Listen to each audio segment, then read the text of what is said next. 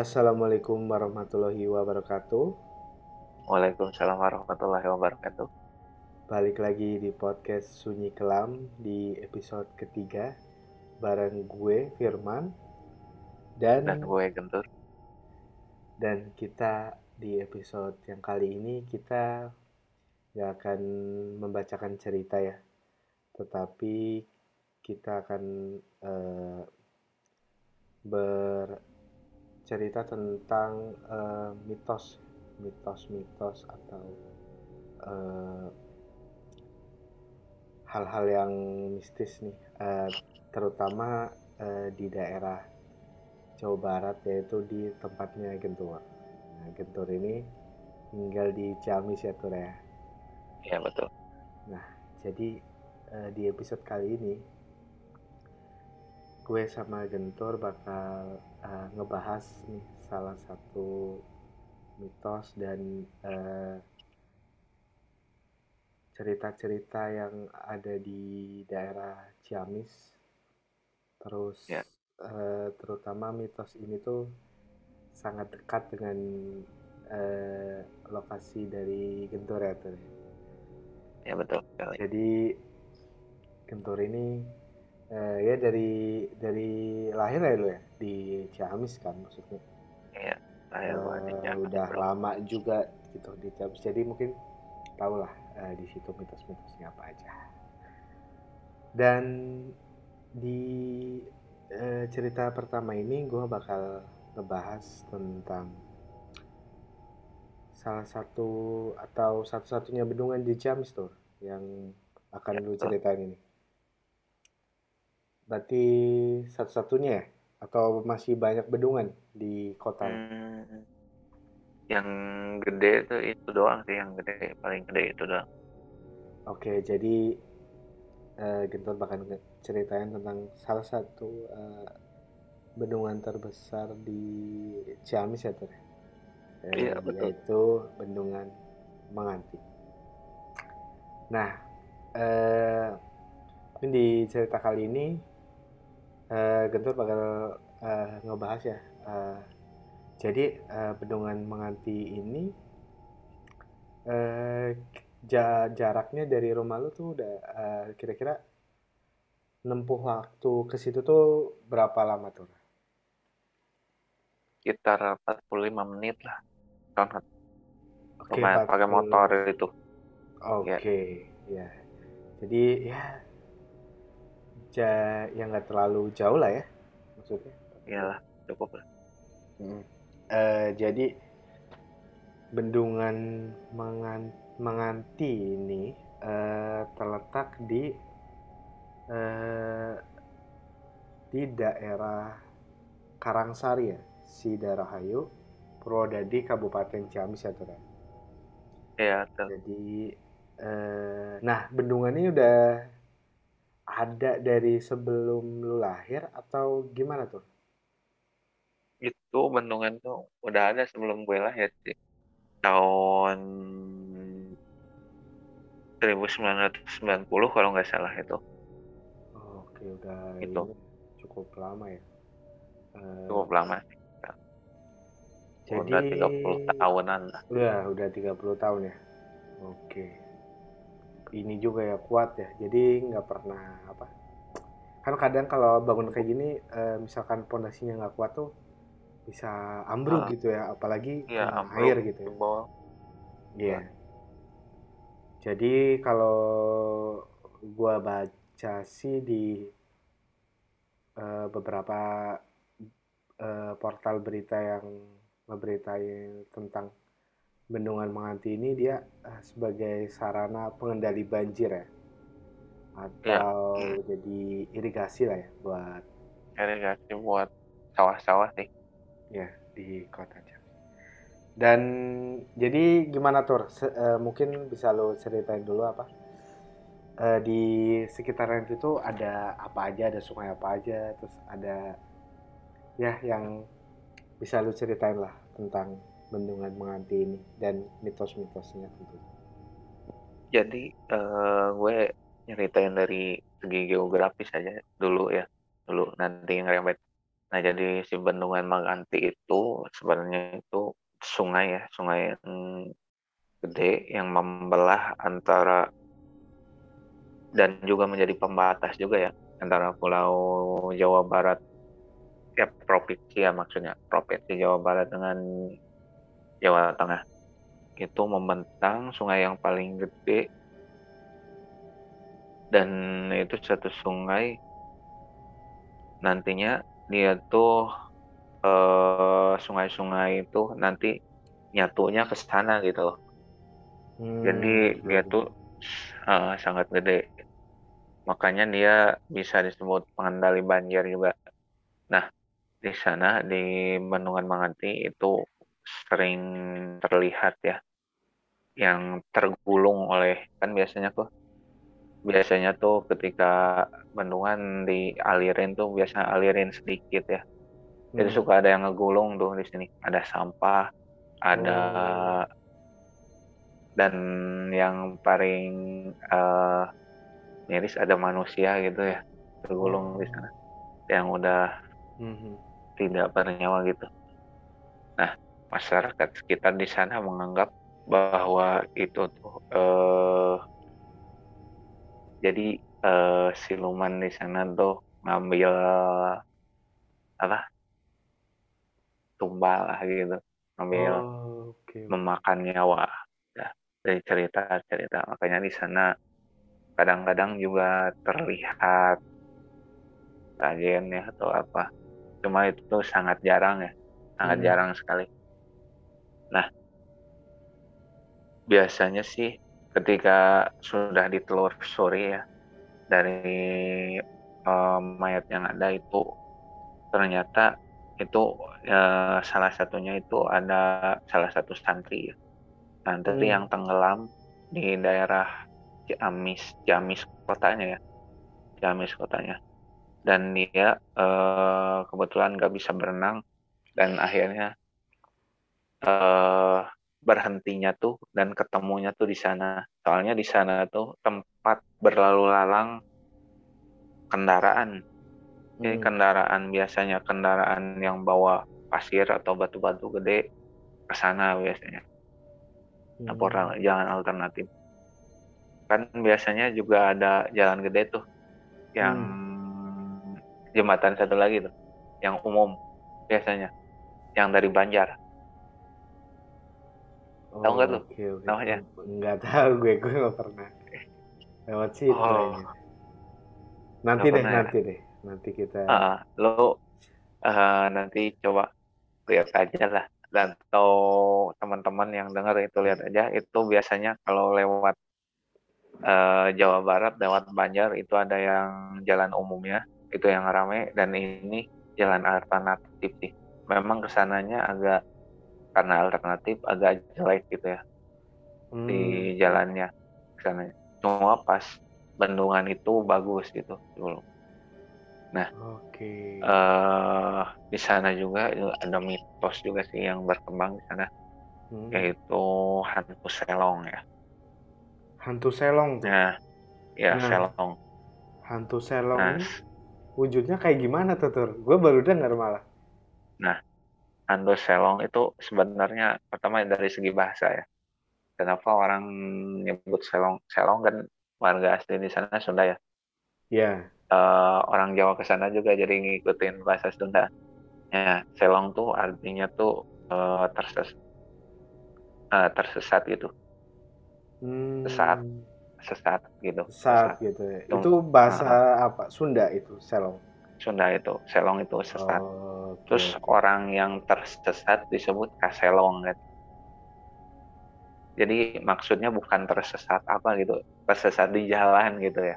Hmm. Nah biasanya eh, siluman selong ini menyerupai ini sih manusia ya. Biasanya nenek-nenek katanya. Nah oh, apabila- gitu. Hmm. bertemu dengan ini si hantu ini atau siluman ini eh jangan sampai itu deh jawab pertanyaannya. Soalnya ketika ente ataupun kalian ya menengah menjawab pertanyaannya itu otomatis kita tuh bakal ngikutin apa yang uh, dia mau gitu ya dan disebutkan dari beberapa cerita masyarakat juga ya hmm. uh, ketika sadar-sadar tahu-tahu ya kita tuh nurutin aja ya ketika sadar udah ada dalam air gitu.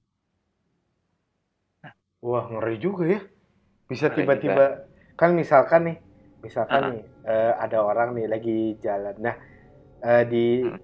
si biasanya tuh uh, si Hanto Salong ini emang di dekat uh, bendungan Mengantika atau uh, rada jauh gitu tuh maksudnya? Biasa kejadiannya ya, gitu ya? daerah iya di daerah bendungan Menganti sih. Oh. Menganti Menganti uh. makanya ada rumor juga yang mengatakan ketika ini sebelum maghrib ya. Sebelum hmm, maghrib menjelang maghrib itu dilarang melewat ke sana ya soalnya ya seperti itulah rumornya. Nah, gitu. iya, iya. agak ngeri juga ya tiba-tiba misalkan uh, lu nggak sengaja gitu ya orang gitu. M mungkin ada orang yang nggak tahu tentang mitos ini lewat daerah situ mahari-mahari gitu ya. Tiba-tiba ada nenek-nenek kan kata lu kan tadi hantu sekarang ini biasanya berwujud nenek-nenek ya. Ada nenek-nenek terus kemudian nanya gitu ya.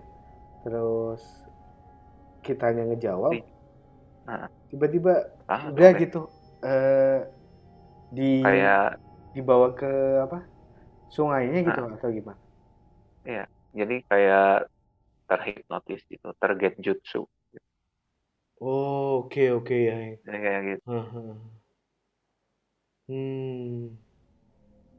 Nah, kalau selain oke, okay. uh, eh, Berarti uh, apakah hantu Selong ini ada uh, muncul di hari-hari tertentu kah? Atau biasanya kan kalau setan kan identiknya dengan uh, malam Jumat gitu atau malam apa gitu. Atau uh, ngacak aja gitu tapi setiap habis maghrib gitu atau gimana tuh ada kayak gitu nggak? Sebenarnya sih kayaknya ngacak sih. Soalnya rumor-rumornya tuh ya menjelang menjelang maghrib hmm. ataupun malam juga malam juga hmm. sih udah mulai pada sepi sih di sana. Kayaknya kalau siang di sana lumayan ramai juga sih, banyak tukang dagang gitu. Hmm. Oh ya. Jadi apalagi kalau banyak hmm. ada ada aktivitas lah ya.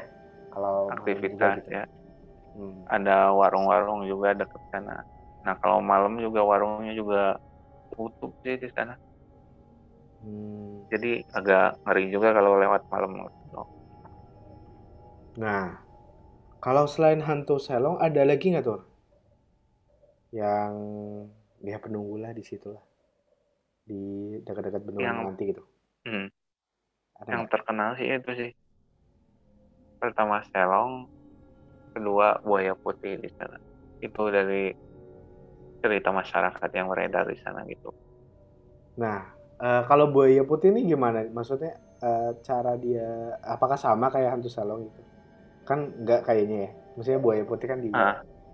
di sungainya kan berarti kan biasa atau gimana? Uh. di sungainya jadi, itu. Hmm, jadi gimana uh, kalau cerita buaya putih itu sebenarnya gini jadi dia tuh uh, berhubungan ke keyakinan masyarakat juga sih hmm. kan jadi dia ketika ada korban itu ya hmm. korban atau katakanlah ada yang ketemu yang sudah tidak bernyawa di sana nah masyarakat sekitar menganggap bahwa nah ada yang menganggap itu selong ada yang menganggap itu uh, buaya putih kayak gitu. Tapi memang di sana untuk buaya aslinya juga jangan ditanyakan ya juga ada juga. Oh ada, jadi emang ada nah. buaya, kayak buaya muara gitu ya, tahu? Kayak gede. Iya kayak buaya muara. Soalnya di sana sih kayak sungai lepas gitu. Jadi kumpulan antara sungai-sungai sana. di sana juga uh, kan ekosistemnya juga uh, semi semi semi inilah ya semi hutan. Jadi ada manusianya cuma masih langka gitu loh. Nah, hmm. jadi uh, ya perkumpulan apa rumah-rumah ini agak kosong. Jadi kayak hutan tapi kayak kebun lah ya gitu. Oh, okay, kebun-kebun gitu. Atau ada ditanamin pohon jati kayak gitu. Jadi lumayan untuk ekosistem bagi predator juga ada juga di sana. Oke, jadi kayak mas masih alam banget lah ya di situ lah ya eh, tempatnya gitu. Belum terjamah banyak manusia lah ya di situ. Ya. Nah, Tur, jadi eh, gua sempat baca nih kalau uh, di bendungan Menganti ini kan uh, di di bawahnya kan sungai Sungai Citandu ya. Sungai ya, Citandu betul. ini katanya tur di ya. warga sekitar itu suka ngasih sesaji tur di hari-hari tertentu katanya eh, di musim tanam atau bulan suro gitu. Nah ada sesa ada emang ada kayak gitu tuh ngasih saji sajen gitu. Untuk sekarang sih nggak terlalu sih. Oh sekarang Karena gue ya? juga uh, nggak hmm. terlalu dekat maksudnya gue ke sana. Hmm, okay, okay. Jadi untuk kesehariannya nggak terlalu tahu sih. Tapi untuk hari-hari biasa sih pas hari Minggu kan suka uh, sepedahan kan nggak hmm. ada tuh di sana.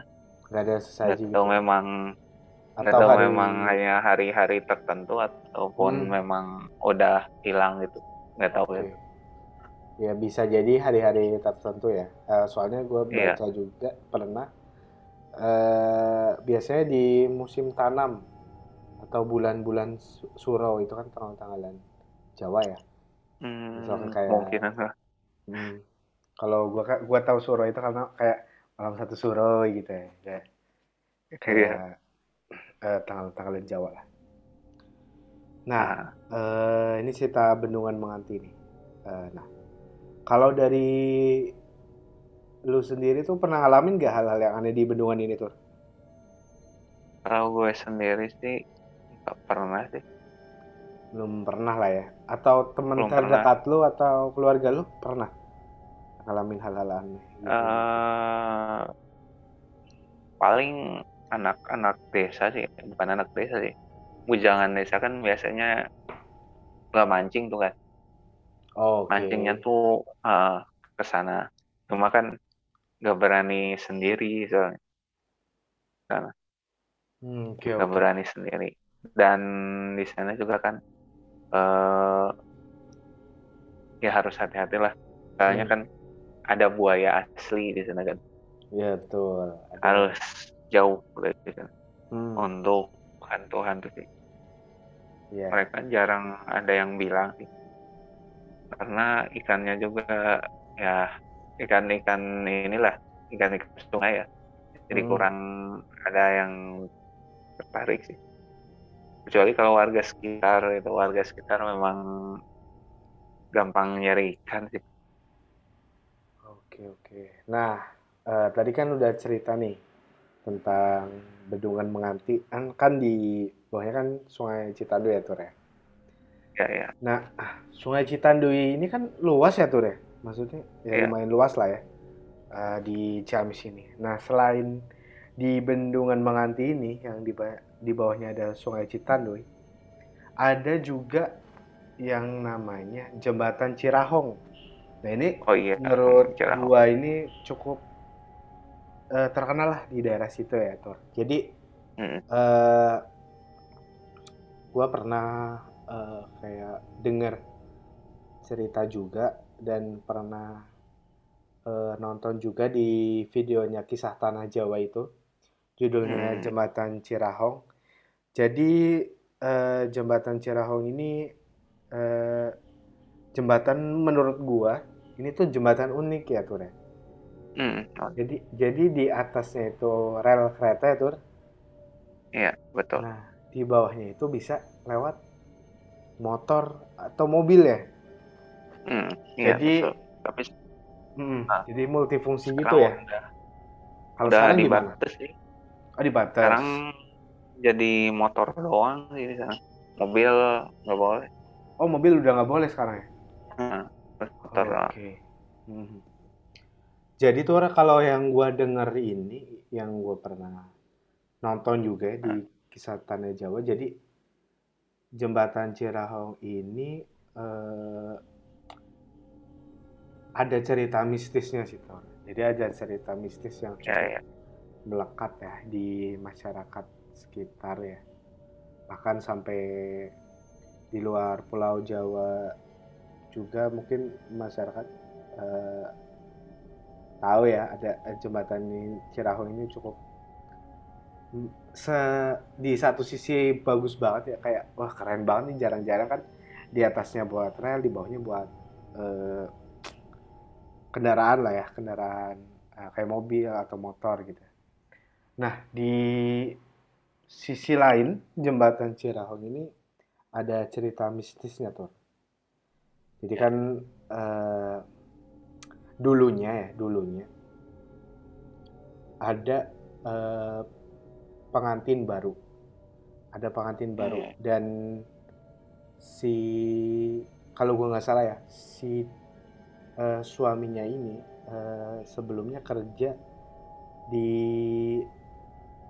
proyek si jembatan Cirahong. Jadi sebelum dibangun eh, mungkin pada masa kalau gue dengar sih pada masa zaman Belanda ya. Jadi eh, bikin nih jembatan Cirahong ya. Cuman eh, di situ itu eh, si penunggu penunggu si Sungai Citandu ini pengen Hmm. tumbal.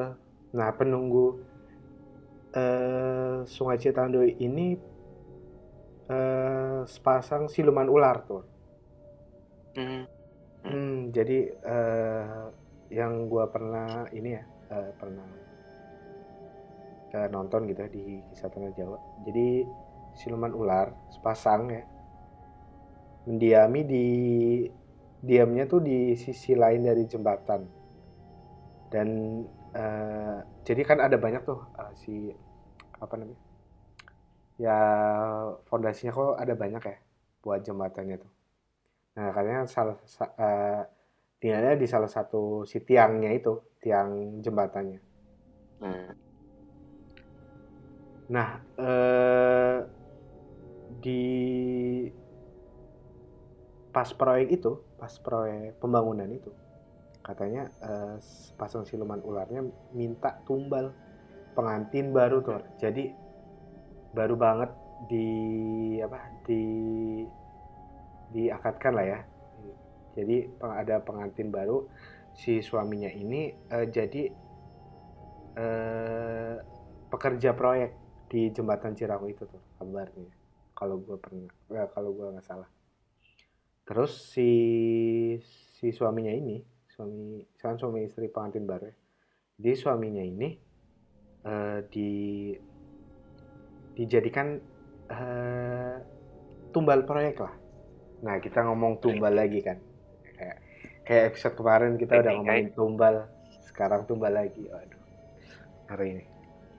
Jadi si si suami ini si si, eh, si cowoknya inilah gue sebut. Cowoknya ini eh, di dipanggil sama si eh, salah satu atasannya lah ya di dalam proyek itu gitu. Atau eh, temannya gitu. Setelah nikah itu eh, dipanggil untuk eh, menghadap ke ke itunya ke atasannya gitu. Katanya akan dikasih eh, hadiah lah buat hadiah pengantin gitu ya. Jadi sebelumnya eh, pagi harinya nikah malam harinya dipanggil buat eh, ya katanya dikasih hadiah buat eh, buat merayakan lah ya. Salah satu pegawainya itu udah menikah gitu. Dan baru banget gitu nah setelah di- dibawa bersama istrinya suami istri yang baru nikah ini atau pengantin baru ini kemudian eh, si suami istri ini diikat gitu. Masih hidup gitu diikat terus Hmm. ditaruh di di apa? Di tempat buat bikin tiang gitu di situ. Terus kemudian eh, langsung di lu tau gak sih kalau misalkan bikin tiang itu di di apa ya mau dibangun tiang tuh dicor lah pakai semen dan Hmm, hmm, ya. eh, dibangun lah dibangun fondasinya tuh sekalian dengan si pengantin barunya itu tuh jadi Oh. hidup-hidup gitu kalau gua gua pernah nonton ya kalau nggak salah jadi hidup-hidup gitu di apa namanya di di samping itu juga wah itu ini banget sih sadis banget sih menurut gue jadi eh, hanya untuk menyelesaikan jembatan Cirahau ini butuh penumbalan gitu. Dan, dan penumbalan itu eh, sepasang pengantin gitu. Wah ini eh, menurut gue nih ngeri banget sih anjir nah eh, terus kemudian eh, pada ya be- ada pada pemerintahan Belanda ini eh, memang ya kalau zaman dulu ya gitu ya. Jadi eh, sangat percaya banget dengan mitos. Di situ ada siluman ularnya ya pasang siluman ular yang tadi minta tumbal itu namanya Nyai Odah dan Aki Bohang Hmm. nah siluman ini eh, kenapa sih dia minta tumbal gitu ya. Di di jembatan itu. Karena dia kayak ngerasa terganggu gitu. Tanpa izin. Jadi kayak izin mendirikan si jembatan Cirahong ini biar tetap berdiri hingga ratusan tahun ini eh, jadi minta tumbal gitu. Biar kokoh biar kuat lah si siluman Hmm. ular ini gitu. Jadi emang udah lama banget gitu ya. Eh udah 128 tahun tuh lama banget gila 128 tahun dari zaman Belanda tuh tur jembatan Cirahung Iya. Hmm. Nah, kemudian eh, ini agak ngeri banget sih kalau gua pernah baca sih. Jadi eh, tadi kan gua ada ceritakan kayak pengantin baru ini dijemput oleh si Belandanya gitu ya, yang bikin bikin eh, proyek jembatan ini untuk menyerahkan eh, hadiah pernikahannya kan. Terus kemudian dibawa ke lokasi pengecoran itu tadi yang buat pondasinya itu tiang-tiangnya itu terus nah terus ini tuh jadi yang gua eh, tangkap itu dari cerita yang diceritakan Hmm. jadi eh, menjelang maghrib Ya. menjelang maghrib pengantinnya itu diikat kan tadi gue bilang kan kayak diikat Hmm. gitulah ya jadi eh, nggak nggak bisa kayak nggak bisa melawan gitu ya Hmm. dan ya ada ada sesajinya juga tuh ternyata ada sesaji kayak ritualannya lah ya di dalam lubangnya pondasi itu terus kemudian di eh, dicor gitu ya dimasukin semen batu ke dalam lubang.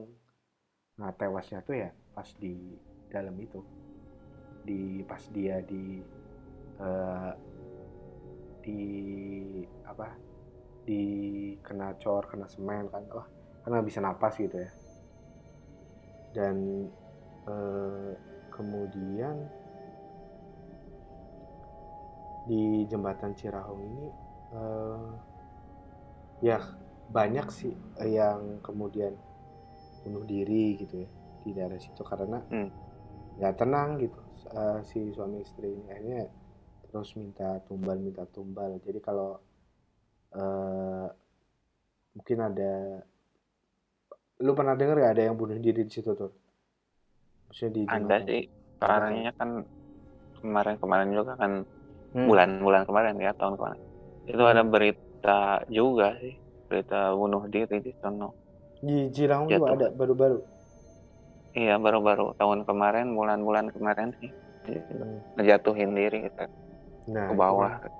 iya kan maksudnya sampai sekarang gitu ya. Hmm. Eh, ternyata masih ada gitu. Jadi eh, kalau gua pernah nonton juga di Kesehatan Jawa juga. Jadi memang sosok-sosok di jembatan Cirang itu memang sosok eh, semuanya jahat sih. Jadi kayak ada misalkan eh, amit-amit ya, misalkan ada orang gitu ya datang Hmm. ke situ dengan misalkan depresi gitu ya, eh, hidupnya eh, susah gitu, datang ke situ eh, tanpa ya tanpa tanpa apa ya istilahnya tanpa iman gitu ya di situ gitu. Tiba-tiba Hmm. dibisikin sosok-sosok yang di situ akhirnya melakukan eh, bunuh diri. Jadi di situ spot yang apa ya ya kayak jembatan gitu ya eh, jatuh gitu. Misalkan ke sungainya atau ke batunya kan eh, meninggal gitu. Jadi memang menurut gue ini ngeri banget sih jadi eh, apa jadi bikin orang tuh ya padahal ini jembatannya bagus gitu. Jadi agak agak ngeri juga agak, agak Ya. eh, mistis banget. Soalnya kan eh, dari ceritanya turun temurun dan ya ya sama gitu. Dari dulu sampai sekarang eh, ceritanya eh, memang ada pengantin baru dikubur di situ untuk menyelesaikan tumbal dari sepasang siluman ular itu di Sungai Citandui. Jadi eh ini menurut gua jembatan yang di sisi lain eksotis gitu ya tentang bangunannya. Kan ini dari zaman Belanda gitu ya kuat gitu. Di sisi lain juga eh, banyak memakan tumbal gitu ya. Ya eh, mungkin dengan kokohnya ini eh, ternyata juga bisa mencelakakan orang juga gitu ya dan eh, nah Tur ini kan jembatannya kan dekat eh, Hmm. masih daerah Ciamis lah ya dari Iya. rumah lu eh, dekat nggak dari Lumayan dekat dari berapa lama dari sekitar dua jam sih. Dua Oh, jam sih, lumayan soalnya. lama eh, lumayan Hmm, jauh juga ya lumayan jauh. Iya, oke soalnya itu perbatasan Ciamis Tasik ya dekat oke oke Cirawang. Nah, itu tuh. Jadi eh, tadi kita udah cerita tentang bendungan Melati dan jembatan Cirahong. Eh, masing-masing punya cerita tersendiri ya dari Iya. bendungan Melati dan jembatan Cirahong. Dan mungkin di di bendungan Melati dan jembatan Cirahong kan sama-sama di bawahnya tuh mengalir Sungai Citandu ya tuh Reh. Iya. mm, betul. Nah, di Sungai Citandu ini apakah emang ini tuh? Reh? Jadi emang keramat gitu, emang angker gitu sepanjang sungainya atau eh, emang pas di bendungan Menganti sama jembatan Cirahong doang tuh? Ya emang eh, ya mistis banget ini. Emang si Sungai Citandunya kah? Dari Oh, Citandunya juga. sebenarnya sih bukan cuma itu sih. kan jadi eh jadi patokan mistis atau enggaknya suatu tempat kalau di gue ya itu karena ada memakan jiwa ya. jadi kalau ada kejadian sampai meninggal Hmm. itu langsung dikisahkan mistis Hmm, oke. biasanya kalau gitu ada yang namanya lewi man lu itu apa tahu nggak lewi Gak tahu gue. Jadi eh Lewi itu bahasa Sunda sih. Jadi kalau eh gue gambarin ya pakai kata-kata. Hmm. Jadi misalkan ada dataran permukaan tanah di bawah air di sungai nah. Ngerti kan? Terus Hmm. ada yang lebih dalam gitu. Lem, lek- legokan lebih dalam gitu. Hmm. Itu disebut eh Lewi. Lui. Eh, Lewi. Jadi eh, tanahnya, misalkan lu eh, lagi di ini ya, di sungai terus Hmm. jalan jalan biasa masih bisa napak kaki terus tiba-tiba ada yang ini datarannya tuh langsung pet langsung dalam Hmm. tapi pas berenang ke sebelah sana lagi itu eh, biasa lagi nih gak terlalu dalam lagi nah itu disebut lewi jadi cekungan ke dalam Hmm. nah Dan di tempat-tempat Sungai Hmm. Citandu itu banyak kayak gitu. Lewi itu. banyak sih Hmm. lewi kayak gitu di spot-spot eh, tertentu. Jadi memang Sungai Citandu ini udah ya angker lah ya, maksudnya. Bukan Hmm, bukan eh, iya pasti ada Sungai Citandu dulu baru ada bangunan itu ada bendungannya ada jembatan berarti kan ya tadi kayak yang jembatan Ciraung ini emang ada sepasang siluman ular yang dari Sungai Citandu jadi emang eh, sungainya juga emang eh, emang mistis gitu ya. Kan eh, gua gua tadi pikir tuh apakah emang ini ketika dibangun baru ada eh, si penunggunya atau memang eh, emang dari dulu dari Sungai Citandu kan ternyata memang sudah ada penunggunya gitu ya di si Sungai Citandunya gitu kan. Iya eh kalau di jembatan Ciraung lu udah pernah ke situ belum sih Tor?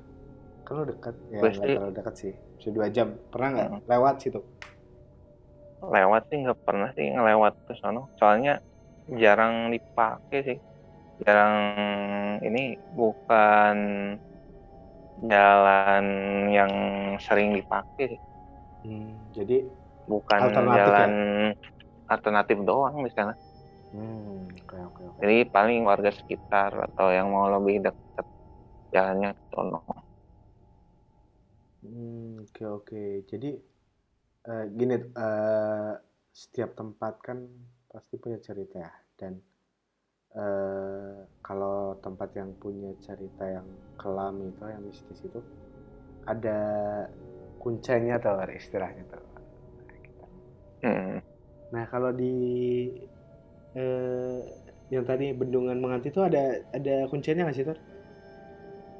Ya, ada. ada sih sebenarnya ada. cuma cuma gue nggak pernah ini nggak pernah nelusuri siapa kuncinya atau itu Oke, nah itu eh, mungkin bisa teman-teman yang nonton di YouTube-nya Gentor ya. Apa Tor channelnya Tor? Kentus TV Mungkin bisa request, Mas Gentor, temuin dong cerita sama penunggunya ya kan. oh iya Asik tuh ya kan cerita gitu misalkan eh ya dulunya ini eh, kayak gimana kenapa bisa ada kejadian seperti itu. Nah mungkin di jembatan Cirang juga tuh lo kalau mau eh, kan Kak, misalkan teman-teman mau request gitu di channelnya Mas Gentor di YouTube-nya Gen Gentos TV ya. Eh, iya Cirahong gitu ya kan. Kayak wah. Eh, nanti ada ular kuning loh itu mah di bukan di situ ya. di Cadas Pangeran. Ada pangeran. Iya. Nah jadi eh, mungkin di episode kali ini kita, kita sudah ya pembahasan tentang eh, mengenai eh, hal-hal mistis di Ciamis ya eh, tempat kelahiran Gentor di ada bendungan menganti yang ada hantu eh, selong dan buaya putih. Dan tadi ada jembatan Cirahong yang ada eh, sosok pengantin eh, ya itu. terus ada sepasang siluman ular juga. Di situ banyak orang bunuh diri di jembatan Cirahong udah banyak lah berita-berita di eh, jembatan Cirahong gitu ya. Kalau gue coba cek sih eh, ada berita terbaru nggak ya di bunuh diri di Cirahong? Oh. Oh di 2021 nih bulan Oktober. Hmm. dua orang tewas dari wah berarti baru banget nih. Seorang Iya. pria loncat dari jembatan Cirahong. Berarti masih sampai sekarang juga masih eh, menelan korban ya? Untuk bunuh diri ya di situ agak, agak Iya, berarti betul. eh, di situ lokasinya mungkin harus ya di sisi lain di situ ada mungkin yang bunuh diri di terjun gitu ada yang bunuh diri nabrak kereta juga kan? Bisa juga kan? Karena eh, di situ kan jalur kereta api tuh. Mungkin aja ya. Hmm. Eh, jadi memang eh, di situ vibe-nya mungkin eh, kelam banget. Sunyi kelam ya kan kayak judul podcast ini. Sunyi banget kelam banget. Dan eh ya gimana ya jadi lokasi buat orang mengakhiri nyawanya kan pasti di situ energinya kan negatif semua ya. Jadi apa yang ada apa yang eh, terjadi di situ kan pasti eh, apalagi untuk mengakhiri kematian kan pasti eh, tempat itu juga nyerap energi negatif gitu. Jadi ya berulang berulang kalau ada apa misalkan orang yang kayak putus asa dan segala macam gitu ya Eh, kemudian bisa bunuh diri dengan di situ. Ya semoga aja ke depannya nggak kejadian lagi ya tuh Eh, Ya, ada betul. Mayat yang tiba-tiba ada di bendungan Menganti gitu tadi kata cerita lu kan atau di Hmm. jembatan Cirahong ini yang bunuh diri maksudnya eh, jangan sampailah kita kalah oleh eh, setan ya atau iblis yang eh, derajatnya kan di bawah kita ya Tor ya Ya, ja- Hmm. jangan sampai kalah oleh mereka gitu. Nah jadi eh, ada eh, apa ya mungkin pesan terakhir dari lu gitu kan sebagai warga sana gitu anak kampung sono gitu. Eh, Jadi tentang dengan dua mitos ini nih ah ini soalnya ngeri banget nih tentang kematian kematian nih soalnya anjir. Ujung-ujungnya bunuh diri lah apa mayat di situ anjir. Ada ini nggak Iya. yang mau sampai jadi intinya jangan sampai berpikiran negatif guys. Betul. Tetap positif thinking ya. Hmm. pasti ada hari esok yang cerah. Nah selalu ingat kepada yang maha kuasa ya Tur. Ya betul. Di mana pun gitu. ketika dalam kondisi down ya atau eh, lagi putus asa gitu ya pasti eh, Allah juga bakal eh, ngebantu gitu eh, hambanya di kala lagi susah gitu. Hmm. Oke, jadi eh, mungkin cukup segini aja ya. Kita nggak kita di episode ini nggak ceritain eh tentang mau bacain cerita di Twitter atau di Facebook gitu ya. Eh, tentang cerita horor. Mungkin kita lebih cerita tentang mitos di daerah eh, Sigentur, Ciamis. Nah, eh, mungkin di next episode ini kita bakal cerita ya tentang eh, beberapa kisah lah yang eh, cukup menarik sih untuk nanti diceritain cerita mistisnya. Jadi cukup segitu aja ya tuh dari kita ya coba eh, cerita tentang bendungan Menganti dan jembatan Cirahong ini. Jadi eh, mungkin teman-teman yang pengen berwisata gitu ya bisa kali ya lihat-lihat. iya betul Eh, bendungan Menganti juga bagus, jembatan Cirahong juga bagus. Dan banyak nilai sejarahnya juga ya dari dua lokasi itu ya. Mm.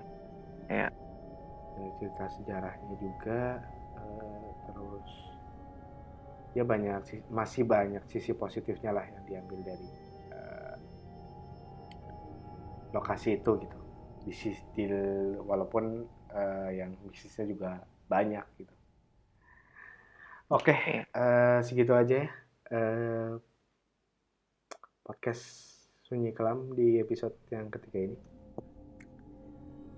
Uh, jangan lupa uh, share di uh, story lah, eh, story teman-teman ya yang dengerin. Uh, dengerin kita juga di Spotify. Terus di follow mungkin ya di follow Instagram kita.